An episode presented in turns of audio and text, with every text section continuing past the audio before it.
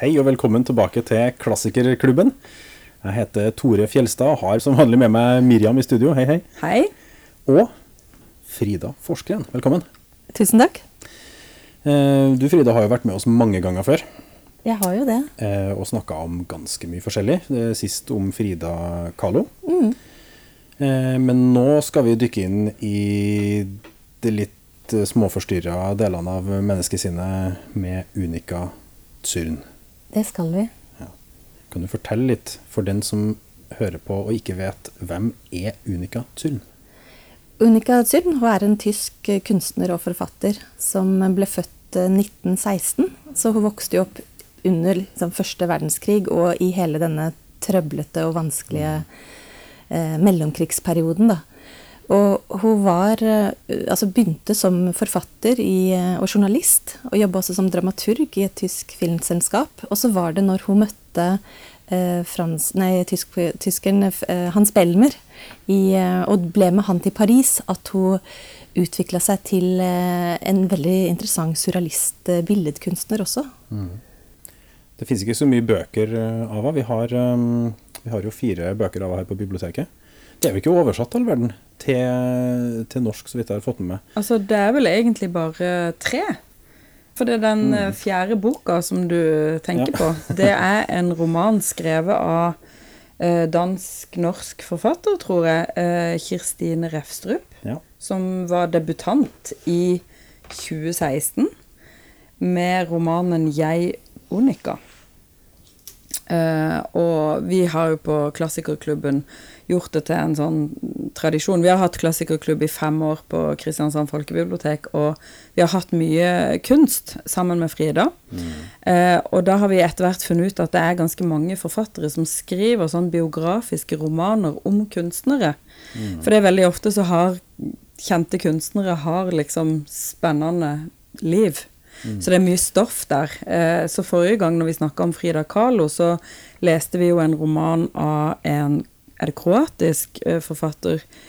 Eh, Slavenka Drakulic, eh, som har skrevet en roman basert på Frida Kahlos liv. Og det som er liksom spennende da, er at det, man kan jo liksom lese leksikonartikkelen om kunstneren, men så får du på en måte den der skjønnlitterære framstillinga av kunstnerens liv, som på en måte gir det en sånn en, en sånn tenkt biografi, da. For man kan jo ikke vite hvordan Frida Kahlo eller Onika Zürn, eller hvem det nå er, hvordan de tenkte og følte. Men eh, man får liksom noen som har fordypa seg veldig og levd seg veldig inn i livet, da, til en kunstner. Og denne romanen her, eh, 'Jeg Onika' av Refstrup, den gir et sånn veldig poetisk og litt klaustrofobisk sånn innsyn, da, i Onika Zürns liv.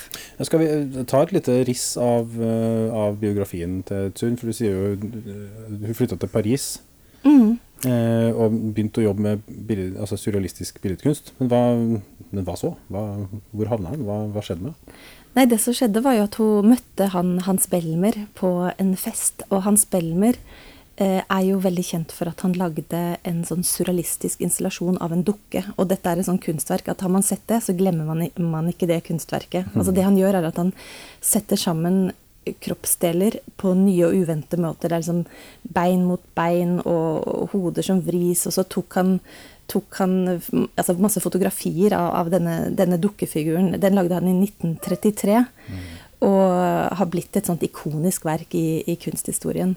Um, og i romanen til Refstrup så handler jo, er det jo liksom omdreiningspunktet er denne dukka. At han og, og Onika skal lage en ny replika av denne dukka. Så man kan si at denne, denne dukka liksom går som en sånn tromler som en sånn figur både i romanen og livet til Onika. Men hun møtte, som jeg sa, Belmer på en fest i Berlin eh, i um, 53 og ble, ble med han til Paris. Og, og her ble hun da liksom dratt inn og eksponert for et helt annet um, kunstnerisk univers enn hun hadde opplevd i, i Berlin. I Berlin var det jo mye sensur, man kunne ikke uttrykke seg på den måten man ville. Men i, Berlin, eh, i Paris opplevde hun en større mulighet til, til å skrive, også friere om personlige opplevelser, om syk, eh, sykdom, traumer, om eh, mulig voldtekt av sin bror, om aborter. Hun, hun, hun utvikla elementer i litteraturen sin, samtidig som hun gjennom Belmer og um, også møte med andre av de surrealistiske kunstnerne, så begynte hun å jobbe med sånn anagrampoesi, og etter hvert med, eh, med tegninger, da. Mm. Tegninger som er veldig veldig sånn spennende og komplekse. Det består nesten av sånn drodling, som du sa, Tore. Liksom det minner litt om sånn du, at Nesten sånn drodling. At uh, du ser liksom at hun begynner, streken begynner, og så fortsetter den og snirkler seg bortover, og så blir den kanskje til et fabeldyr, eller den har nebb, det ser ut som en hydra er den, en, Mm. sånn, den, den, Det er veldig sånn drømmende figurer. Så det er på 50-tallet at hun tar steget ut også som visuell kunstner. Mm. Og har flere utstillinger, fire utstillinger i Paris på 50-tallet, da som kanskje ikke er så kjent ikke? Hun er ikke så kjent i kunsthistorien, men, men hun, hun var, eh, var, på den internasjonale surrealistutstillingen i 59 sammen bl.a. med Rett Oppenheim og uh, Dali og Breton og disse mm. viktige surrealistene. Da. Vi har jo sett på et sånt fotografi av den gjengen her hvor hun og Belmer vel også er med. Mm. Eh, hvor eh, er det Er det Merit Oppenheim, eller er det en eh, eh, liksom en eh, installasjon hvor hun Ja, der har du bildet også. liksom ligger på et bord? Jeg kan beskrive bildet. Det er, Ja. det er altså en gjeng med mennesker som står rundt et, et bord, altså, som, som du sier. Og der ligger En kropp en kropp. full av frukt? Full av frukt. Det er liksom eh, Hendene er bananklaser, og det er eh, epler og pærer, og det er en slags sånn åpen vagina. Altså den, den er veldig Veldig kroppslig og veldig liksom makaber. Ja, ja, ja. Men det er jo mange sånne gruppebilder av surrealistene. Mm. Fra forskjellige mm. stadier, holdt jeg på å si, i den Mm. bevegelsen, da. De stiller seg liksom alltid opp på sånn gruppebilde, og så har de et eller annet sjukt. I midten, liksom. Noe rart. Ja, og gjerne masker og Ja, ja. liksom sånne boaer, og de er veldig er sånn til å stage og- seg, ikke sant. Så når du sier at hun møter Hans Belmer på en fest, Mm. så er det ikke en vanlig fest nødvendigvis. Det er en surrealistfest. Hvor, hvem vet, altså, det bildet jeg har i hodet, liksom, det er ikke å møte noen på byen. Liksom. Det er ikke helt, eh, vi er ikke der. Nei, Nei. eh, det er, og det er jo på en måte et veldig sånn skjebnesvangert møte også, for hun har da hele livet drømt om noe hun kaller for Jasminmannen. Mm. Som er en sånn mektig Jeg vet ikke, en slags farsfigur eller sånn Ja, en mektig mann som hun dras mot. Og når hun ser Belmer på denne åpningen i, i Berlin, så skjønner hun da instinktivt at dette er mannen, da. At dette er uh, Jasminmannen. Det Mannen som du har venta på? Eller er det Jeg husker ikke hvor jeg leste det, om det var i romanen eller et annet sted, men hun møter han først på den festen, og så snakker de sammen der. Og så skal hun ta toget noen dager seinere, og da kommer han på togstasjonen, og da er det liksom uunngåelig, på en måte. Da er det liksom bare Da er det de to, Det er de eh, to. etter det. Mm. Men hun har jo en forhistorie, da, fordi hun, det virker jo som hun vokser opp i en sånn ganske Jeg vet ikke om det er en alminnelig familie. Faren er Faren er en kavaleri... Kavalerioffiser i. Afrika, og er veldig veldig fraværende. Mm. Ja, og så, så på en måte lengter etter en sånn farsfigur i, i oppveksten, og, har- og har, men har også flere forskjellige stemødre, så kanskje mora er død. Det er ikke så lett å finne ut av biografien hos henne heller, for det, hun er jo en av de mindre kjente, så det, Mm. det er kanskje mest Altså hvis man går på internettet, så er det kanskje mest å finne om Ifølge henne Wikipedia, som jo er den store, store autoriteten på området, Ja, så var foreldrene iallfall skilt på et eller annet tidspunkt. Så Ja. det er jo noe, noe der, da. Og det ble jo hun også, for det, hun blir jo gift på et tidspunkt med en fyr som hun får to barn med, og han forlater henne. Og det er jo da hun på en måte er alene i verden, og det er jo da hun treffer Hans Belmer. Mm. Og Og de biografene snakker om det som den liksom, lykkelige perioden i livet hennes etter den skilsmissen, når hun får denne leiligheten som hun dekker med orientalske tepper, og, og lever, lever liksom bohemliv, går på kabaret og, og danser. I Berlin, da. Ja. ikke sant? At det er da hun kommer ut også som kunstner, for før det så hadde hun jo hatt en litt sånn dayjob i dette eh, tyske filmselskapet som het UFA. Mm. Um, og livnært seg ved å skrive små eh, journalistiske artikler. Og så kom jo da Det er jo etter liksom skilsmissen og denne mer sånn kreative oppvåkningen at hun da velger dette annerledes livet og begynner å eksperimentere mer, mer, med mer selvbiografisk litteratur, og også jobber med, med sånn um, kunst som Altså denne anagrammatiske poesien, ikke sant, hvor ord settes sammen på nye måter, bokstaver liksom skyfles rundt, og, og dykker inn i hva som skal skje når du når du forlater liksom den objektive og narrative fortellerverdenen, men går inn i, inn i, fantasien og inn i drømmene, da. Det er liksom det, det som vel skjer der um, på, på, sent 40-tall. Ja, for, for, nå er vi rett og slett inn i, i altså det som surrealistene var opptatt av.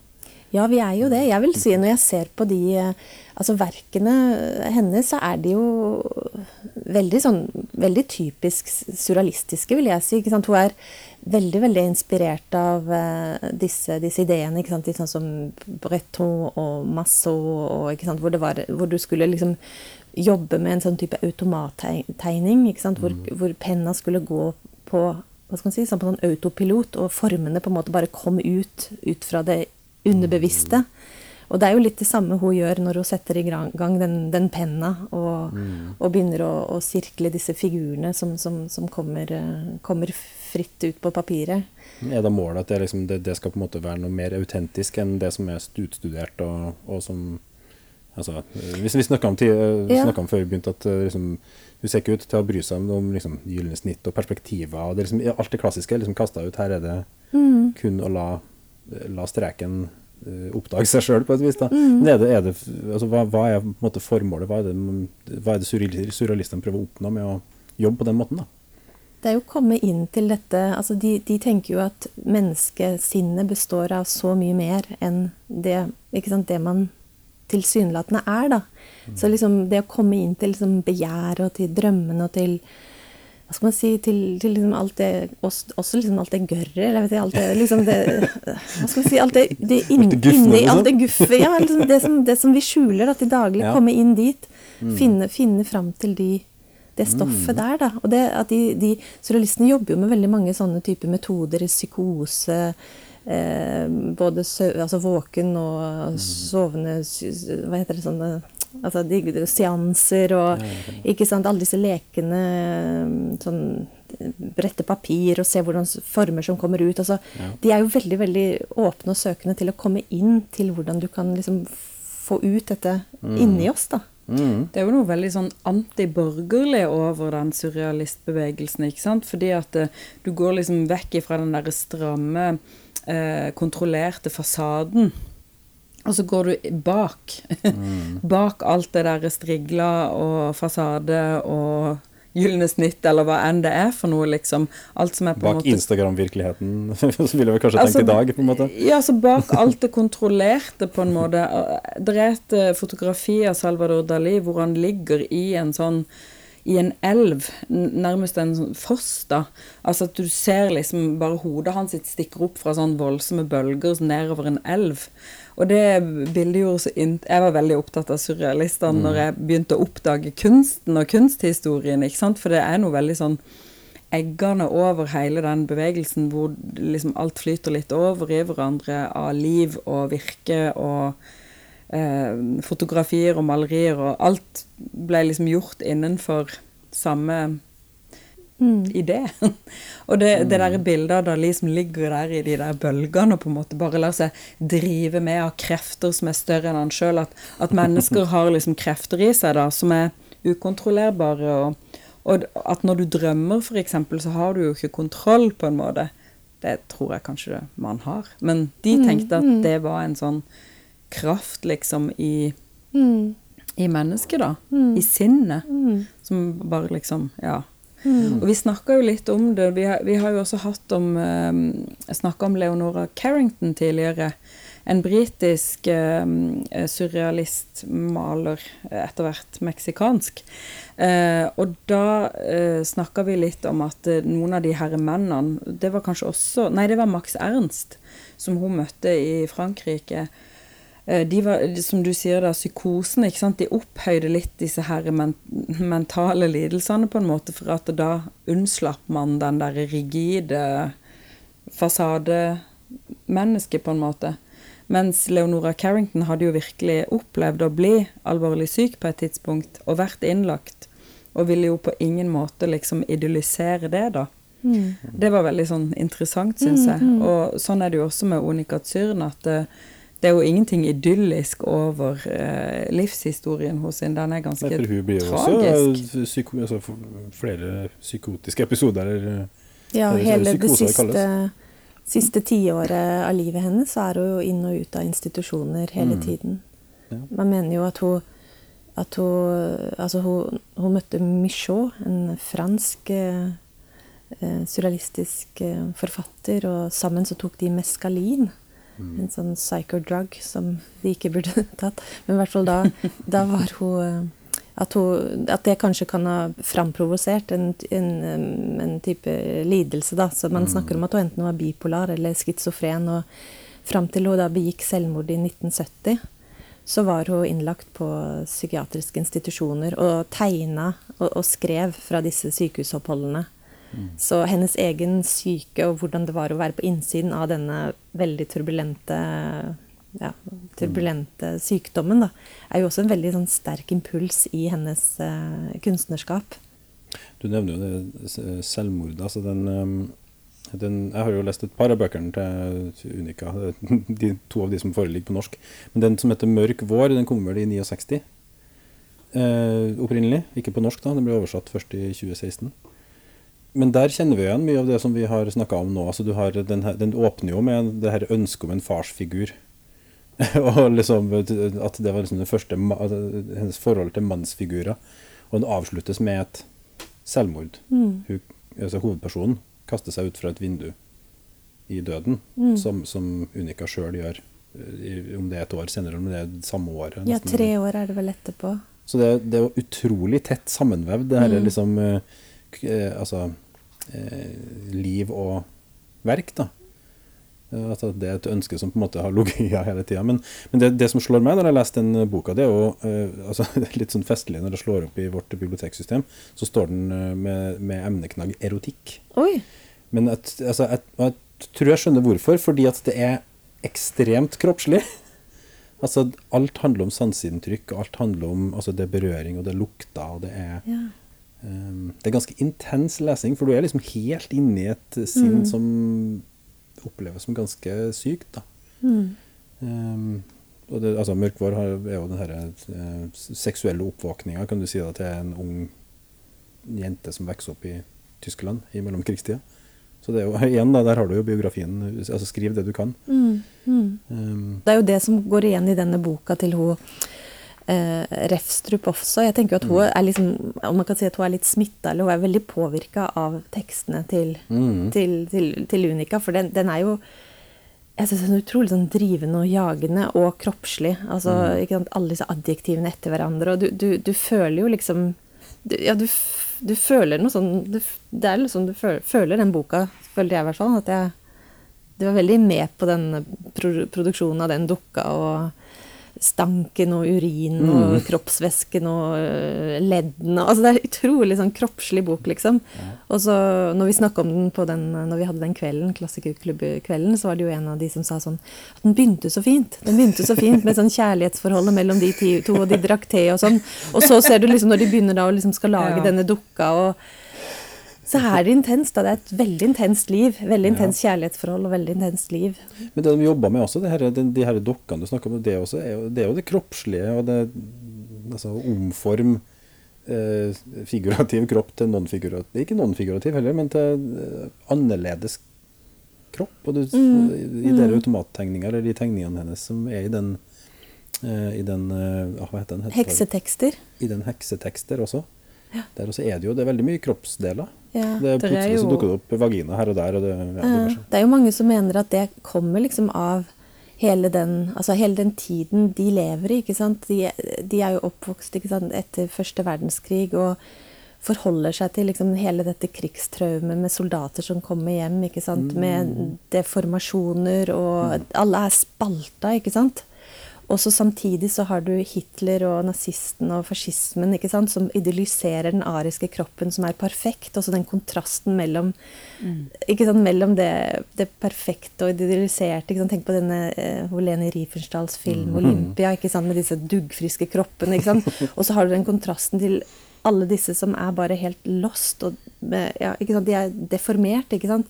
Så jeg tenker jo at de, de, de liksom beveger seg, de, de jobber i det her ja, i den her dislokasjonen, i det deformerte. De prøver å gi det på en måte stemme, da. Eller han, mm. er, Hans Belmer begynner jo med den dukka i 33, akkurat det året Hitler kommer til, til makten. Så det er, man, det er jo nærliggende å se på det som en type en estetisk utforskning av det paradokset de, de, studerer rundt seg. Mm, jeg ser for meg at det var vanskelig å holde på med i altså, holde på med deformerte kropper i kunsten mm. i Berlin i 1933. Det var derfor de dro. Han dro jo han dro til, de, dro, de, de, stakk, ikke sant. Det var jo derfor de dro til Paris.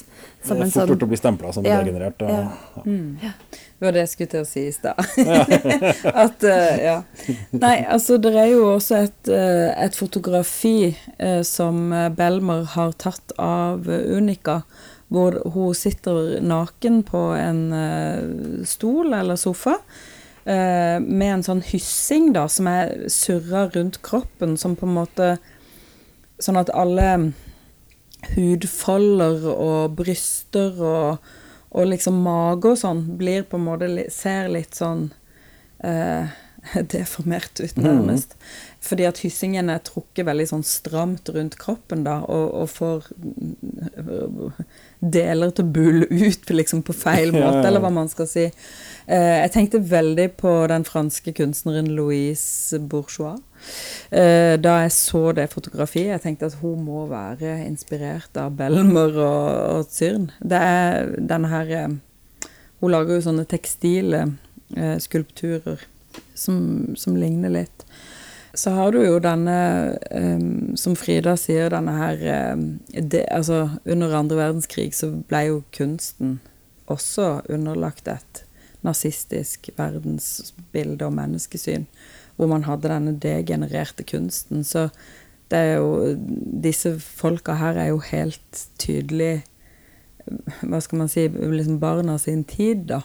Mm. Ting hadde kanskje utvikla seg helt annerledes hvis ikke det hadde vært i akkurat denne tidsperioden. Mm. For det er en veldig pressa mm. tid å lage kunst i, å være nyvinnende og og, liksom utforske form og farge og bare alt som ikke er liksom sånn Den klassiske kunsten er jo Det er jo farlig, liksom. Mm, å tegne. Det ja, det betyr faktisk noe, ikke sant? Det er ikke sånn som i dag, hvor du på en måte Alt går an, og alt finnes og sånn. Mm. Altså hvis du begynte å tegne noe som helst abstrakt, så ble du nærmest forfulgt, ikke mm. sant? Mm, ja, de var jo De måtte jo flykte. Mm. Dra i eksil og Sånn at det er, jo, det er, jo, veldig sterk kunst. Og jeg tror kanskje det er derfor jeg trekkes veldig mot mellomkrigstiden veldig ofte. Jeg merker jeg gjør det i, i, jobben min. Fordi det er så mye som står på spill, og det blir kunst som blir Den er liksom prekær. Det er, er, det er viktig. Det ja. spiller en rolle hva du mm, gjør. Det gjør det. Det er liksom ikke bare en sånn lek. Lek, og Lek med form og farge og se hva det blir? Liksom. Nei. Det er, det er liksom liv og død. Det er heftig. Mm, det er veldig heftig. Men så snakker vi jo også Vi har jo snakka litt om at uh, Onika Zyrn er en type kunstner som For det første så står hun jo i skyggen da av Hans Belmer. Av, mm. av mannen, da. Den store mannen i hos sitt liv. Men også at han har en større plass i kunsthistorien. Um, eller i alle fall har hatt det, da. Men så har, det virker jo som at flere og flere har oppdaga Tyrn etter hvert. Mm. Og uh, du sa, Frida, at kanskje det hadde noe å gjøre med at man har At liksom kunstfeltet har åpna seg mer opp, da. For kunst som kommer fra andre steder. Eller? Mm. Jo, det er jo en sånn Dels er det jo selvfølgelig hele den feministiske bølgen da, som etter liksom 70-80-tallet har vært på en måte opptatt av å rehabilitere og utforske kvinnelig kunstnerskap og, og komplettere kanon, kan man si. da, og liksom Se på kvinnenes bidrag i kunsthistorien. Og så kanskje når det gjelder Unica Zyrn også, så um, plasseres jo hun gjerne inn i den det vi kaller sånn outsider-kunst. At hun er en, en kunstner som ikke har tradisjonell eh, utdanning. Hun tar opp uh, altså andre typer temaer. ikke sant? Det er kunst som kanskje grenser i, altså er i grenselandet til terapi. Mm. Uh, så jeg så at hun, hun, var i en sånn stor mønstring av sånn outsider art som var i, i um, Østerrike i 2019. Hvor man da ser på kunstnere sant, som uh, følger en annen bane, gjerne som kanskje var, var, var på psykiatriske institusjoner.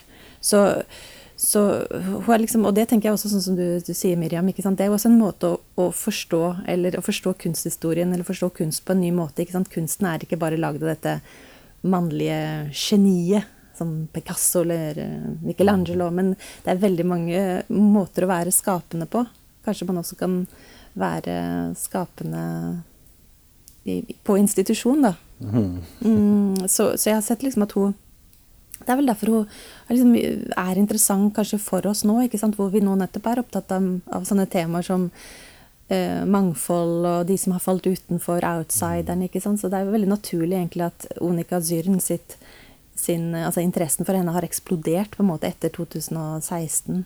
Særlig. Det har vært veldig mange utstillinger eh, de mm. siste årene. Etter 100-årsjubileet for fødselen? Ja, ikke sant? Mm. ja, det har vært både flere i New York tegnegalleri og, og også alene med Hans Belmer, men også alene. Og så er det jo denne uh, den Kristine Refstrups roman, men så så jeg at det var også en, en svensk uh, poet, hun Helena Eriksson, også skrevet en en stor uh, biografi om henne som heter 'Någon syr er det du?' fra 2014, hvor hun utforsker kunstnerskapet.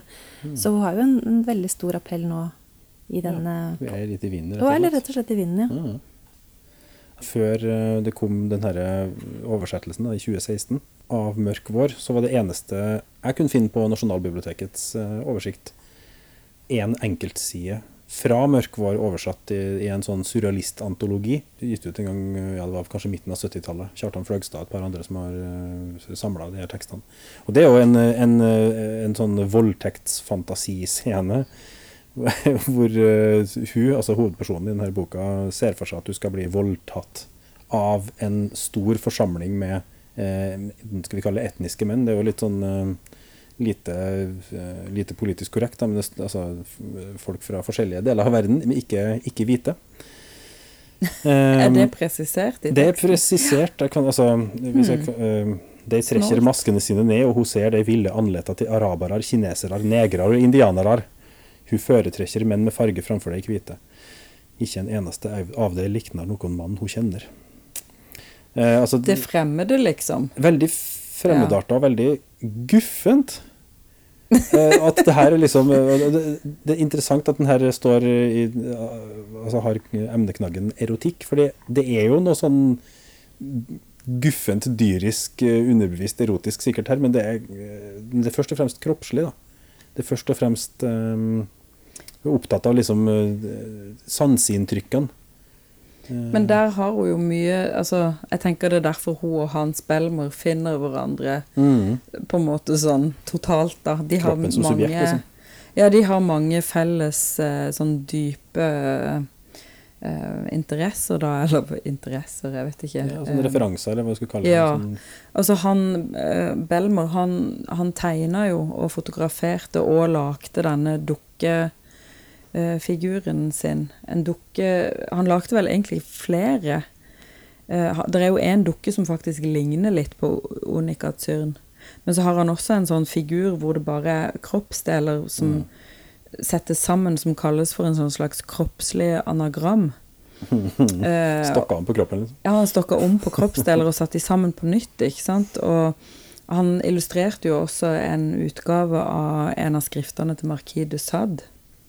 Så det er jo noe sånn eh, masochistisk, altså det der med altså kroppen og smerte og forvridninger og mm. eh, sånn Ja. Nesten sånn kroppslig kollasj, holdt jeg på å si. Mm. Markide Sad vil også stå under erotikk eh, hvis du skal sette i et system. Nå er du men, bibliotekarspråket, ja, det, det, liksom, liksom, men, emneknaggen erotikk. Men, jo, jo, men, så, men saken at det, men, men, på et eller annet tidspunkt så var jo all å skrive hva som helst av erotikk forbudt. Ja. Så det er jo uansett en sånn element av det Det ble ansett som sykelig. Altså Markide Sad ble vel også fengsla fordi han var syk på sinnet fordi han drev og skrev om de tingene her. ikke sant? Ja. Han var kanskje mer opptatt av det enn de fleste andre, da. Men, uh, mulig, ja, mulig. Vi trenger å gå det. Men uh, ja, det er litt, litt, interessant at det henger liksom det herre uh, kroppslige og sinnssykdommen eller, ja. Det henger på en måte sammen, da, både kulturelt og, og um, ja, på det personlige planet, kanskje. Men nå har jo Frida trukket fram disse um, altså, sånne fotografier som vi har sett på da av menn som er skada eh, mm. etter første verdenskrig. I kontrast med disse um, duggfriske um, atletkroppene i Leni Riefenstahl sine filmer. Mm. Altså, det er jo noe her Det er jo en, en stor sånn eh, Stor avgrunn imellom de to verdenene, ikke sant, som man da skulle og måtte forholde seg til. Hvis du skulle lage kunst, så er det naturlig å forholde seg til kroppen. Og så når kroppen da må være liksom en sånn perfekt muskuløs, vanvittig vakker kropp, men så er det ikke sånn kroppen er. Jeg tenker det, de har henta mye ut derfra, da. Mm, jeg tenker også det. Det var jo etter første verdenskrig at man begynte å eh, eksperimentere med plastisk kirurgi, og man fikk ikke sant, uh, kunstige kroppsdeler, og så mm. hele dette liksom universet her av ulike kropper og automatiske kropper, uh, kunstige kropper, deformerte mm. kropper, er jo en, ja, en, en stor sånn Ja, jeg, ser for meg at liksom det er en sånn visuell visuell verden, liksom, ikke sant, som man, man forholdt seg til. I, som måtte komme ut av den tida, på en måte? Ja, egentlig. som kom ut av denne tiden, ikke sant. Mm. Det er jo sånn som ikke vi er vant til å se i dag, men som i hvert fall jeg har liksom tenkt på når jeg er og reiser eh, sånn Når jeg har vært i Afrika, f.eks., når du ser kropper som er deformerte, folk som er mm. skada eller lemlesta eller spedalske og sånn. ikke sant? Det er, det er, jo veldig, veldig dramatisk å se, og det gir jo noen sånne veldig sterke impulser, ikke sant. Så og, og, det er jo i hvert fall sånn, sånn, det beskrives, ikke sant. Alle, alle, disse som kom hjem fra krigene. Dette var noe som dadaistene og surrealistene virkelig bearbeida i, i, kunsten sin. Så jeg tenker det er en veldig sånn realitet når vi skal forstå både Syren og, og, og Belmers dukke. da. Mm. Ja, og så er det også Seksualiteten ble jo også veldig sterkt kontrollert i Nazi-Tyskland.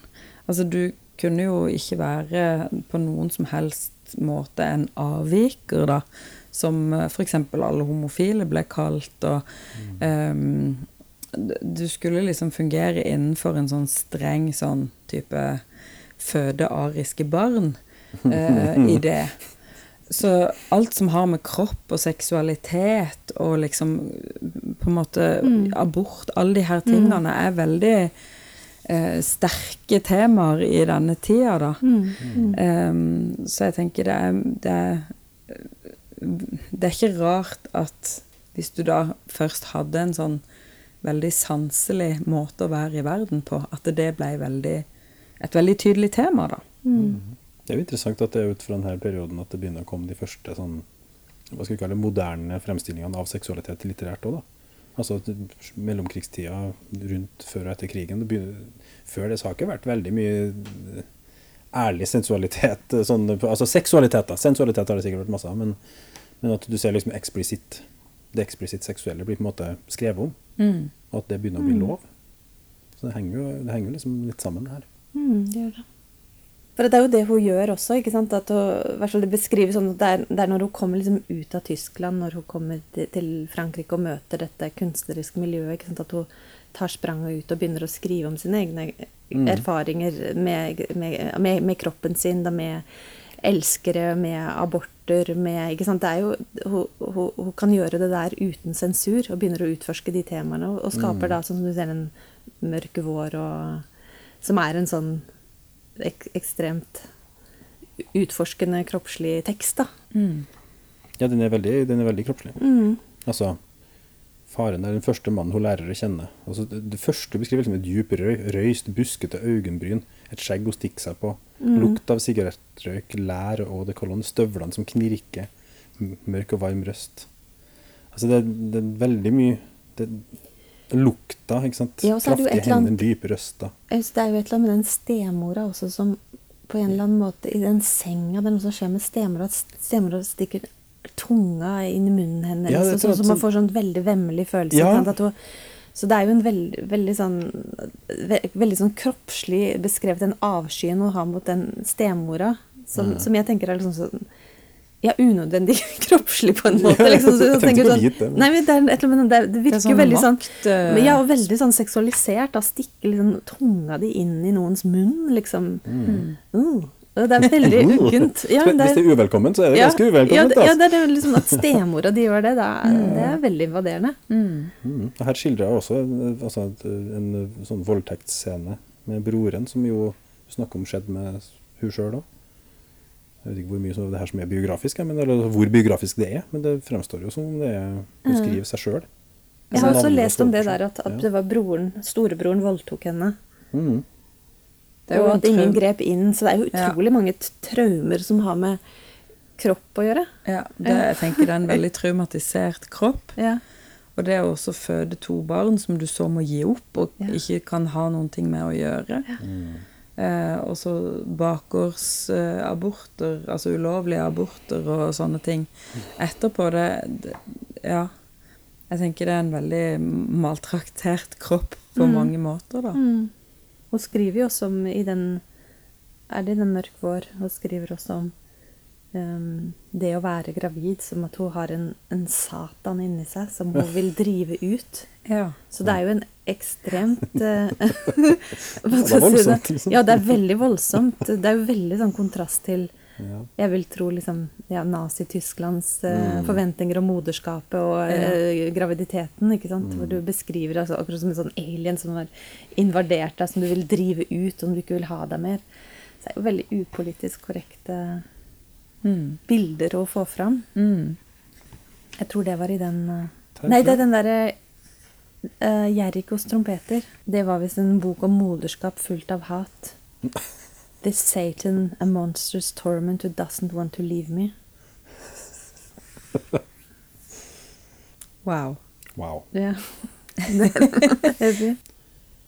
Når du ser liksom på kunsthistorien, og spesielt kanskje 1900-tallet, hvor du har veldig mye sånn eh, degenerert kunst, ifølge nazistene, eh, så syns jeg ofte det er mange geniale menn som blir, det blir fremstilt som liksom her, Det her er en mann som lager noe sprøtt.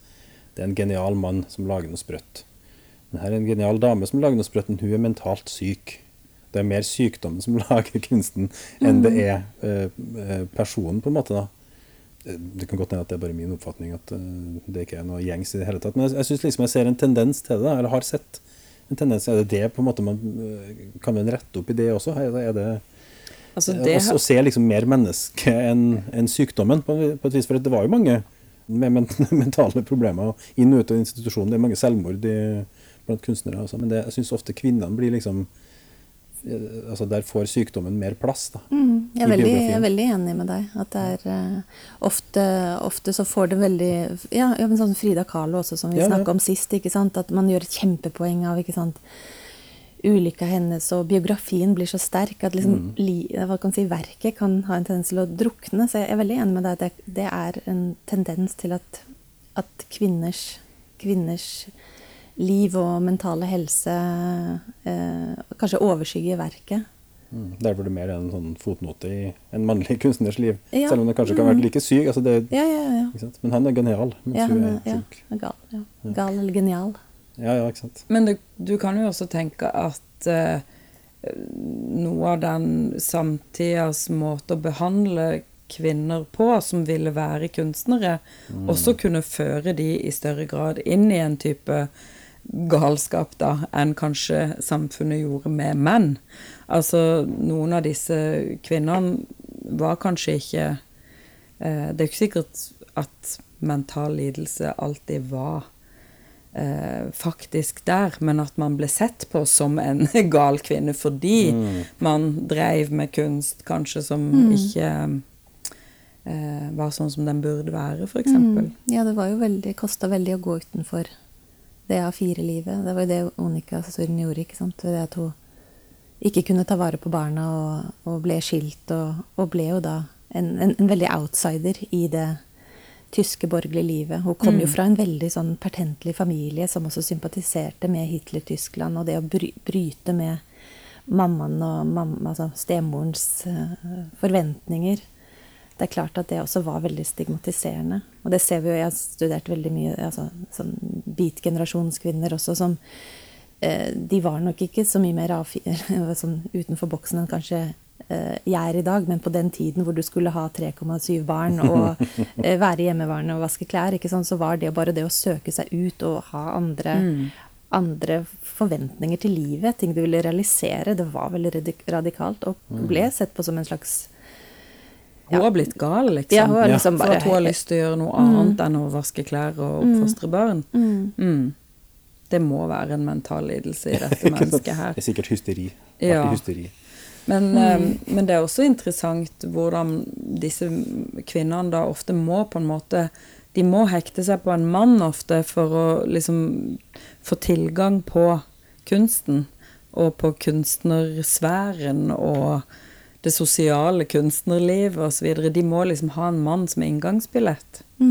Eh, og det er jo også sånn med Onika at det er Hans Belmer som er den, den mannen på en måte for henne, som, som hjelper på en måte å realisere hos sin kunstnervisjon, da kanskje.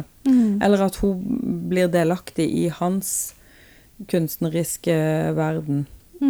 Så jeg tenker det, det som skjedde på slutten der av livet hos sitt, er jo at han, han får en eller annen Er det en hjerte... Han får et slag. Et slag. Ja. Og, og sier at eh, 'jeg kan ikke forsørge deg lenger'. Og det er da hun på en måte faller totalt sammen og, og tar sitt eget liv. Fordi uten hans på en måte da eh, forsørgelse av henne, så kan hun ikke leve. Mm. Det Ja. Det er jo litt trist, da. For det, liksom, det, Det- eviggjør jo det her. Liksom, du klarer seg ikke uten den derre mannen som Nei, men det sier jo kanskje også noe om hvor utrolig viktig til langt opp i vår tid, egentlig, eh, dette her sy systemet, på en måte. Altså hvor, hvor sterkt disse eh, patriarkalske da, systemene har vært. At de kvinnene måtte faktisk eh, være De måtte holde seg inne med de mennene for å, for å kunne være i den kunstverdenen. For å kunne bli stilt ut og innkjøpt eller få publisert, bli sett, komme ut med sine ting. Det er jo det er dramatisk, men det var jo sånn det var. Du måtte enten ha en far eller en mann som kunne hjelpe deg. Ikke sant? Hjelpe deg å få karrieren i gang. Død over patriarkatet, hæ?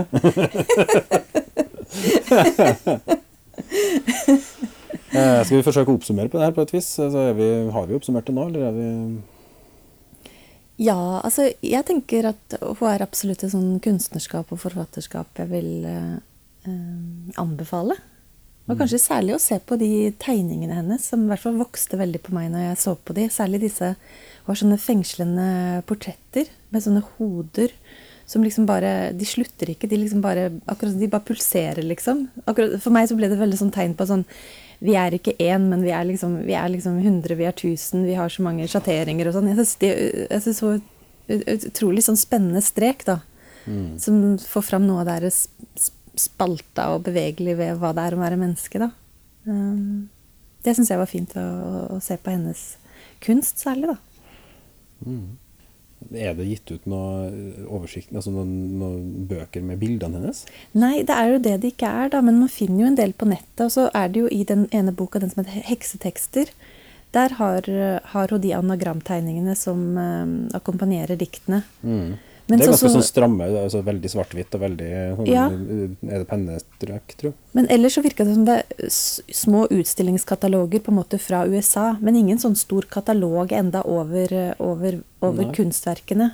Det er jo først og fremst en Det først og fremst litteratur, eh, litteraturdelen av Unica Søden som har blitt oppdaga og publisert. Mm. Så her venter det jo et arbeid for fremtidige kunsthistorikere. Ja, sa hun med håp i blikket. Det er ikke mulig Har du tenkt å påta deg det arbeidet, så hadde det vært hyggelig. Det. Nja, men det er i hvert fall spennende. Altså, hun er jo en, en, et spennende brikke inn i denne, denne tida, og i dette surrealistmiljøet, syns jeg. Ve- Veldig interessant, eh, interessant kunstnerskap. Mm. Vi kan jo anbefale folk å lese både Onika Zyrn sine egne tekster, men også denne romanen av Kristin eh, Refstrup.